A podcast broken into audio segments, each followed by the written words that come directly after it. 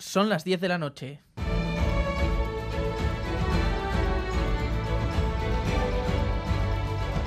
Radio Euskadi y Radio Vitoria. Servicios informativos.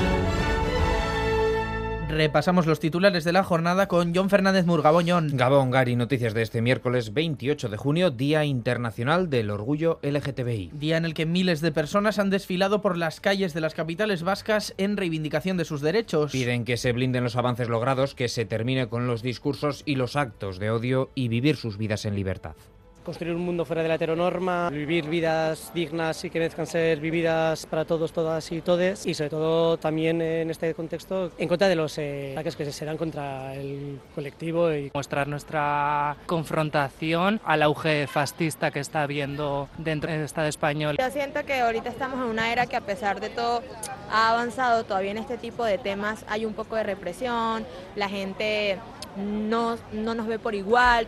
El orgullo de este año está marcado por los recursos ante el Tribunal Constitucional de la Ley Trans y de Garantía de los Derechos de las Personas LGTBI y también por un posible cambio de gobierno en el que la ultraderecha pudiera entrar en el Ejecutivo. En Bilbao, el desmarque del Partido Popular ha impedido que el Ayuntamiento aprobara, como venía haciendo todos los años, una declaración institucional. Sí, no ha habido declaración de reconocimiento a los que siguen luchando por su libertad sexual, por la diversidad y contra los discursos de odio en Bilbao. El Partido Popular no ha firmado porque la declaración incluye un apoyo expreso a la ley trans. Esther Martínez, portavoz. Nos hemos encontrado con la cerrazón del equipo de gobierno, que está instalado ya desde hace muchos años en una política de bloques que lo único que hace es bloquear acuerdos. Debemos intentar representar a todos. Ahora, cuando algunos están más empeñados en levantar muros que en tender puentes, creemos que el camino para el acuerdo lamentablemente es muy corto.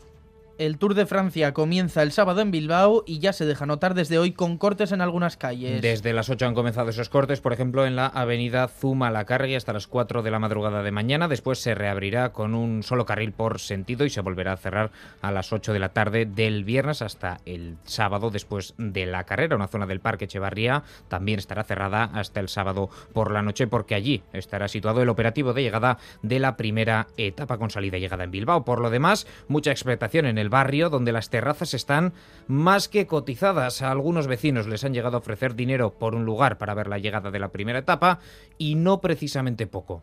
Sí, el propietario de un piso aquí en la avenida Zumalacarregui que le ofrecieron dinero para alquilar la terraza, que unos mil euros. Etorri zan mutil bet, da ni balkoien egon nintzen. Da, etorri zan, eh, da pregunta egin zuen. E, badeko zu alkiletako edo horrelako gauza bat, Eh, y el alcalde de Bilbao, Juan María Burto, se ha pasado este mediodía por Crónica de Euskadi y ha pedido paciencia a los vecinos y disculpas por los inconvenientes pedir disculpas porque la vida va a ser un poco más complicada desde el punto de vista de la movilidad esos días, ¿no? Y quisiera también pedir a, la ciudadanía bilbaína pues que tengan ese componente ¿no? de, de generosidad para intentar aceptar de la mejor manera posible estas situaciones incómodas que vamos a vivir Mañana, por cierto, presentación de los equipos frente al Guggenheim. La viviremos en directo a partir de las 6 en Radio Euskadi. Y PNV y PSE han cerrado su acuerdo de gobierno para la Diputación de Guipúzcoa. Acuerdo que mañana defenderá Eider Mendoza para poder ser investida diputada general de Guipúzcoa. Ambos socios encaran su tercera legislatura y el reparto de carteras sería similar al actual, 6 para el PNV y 3 para el PSE, aunque con alguna dirección más para los socialistas, como apuntaba en Euskal Televista en Eco Andueza. Gure pisua haundituko da. Diputatu ez dut esango, bai zuzendaritza bat edo beste gehiago ukiko degula horren konfidantza ere badaukat. Eider Mendoza deberá contar con al menos uno de los tres votos del PP en juntas para ser diputada general. Mañana también se celebra el pleno de investidura en las juntas generales de Álava. Ramiro González saldrá, salvo sorpresa, elegido en segunda vuelta y afrontará su tercera legislatura. Es todo, más noticias en una hora y en todo momento en itv.eus y en la aplicación ITV back.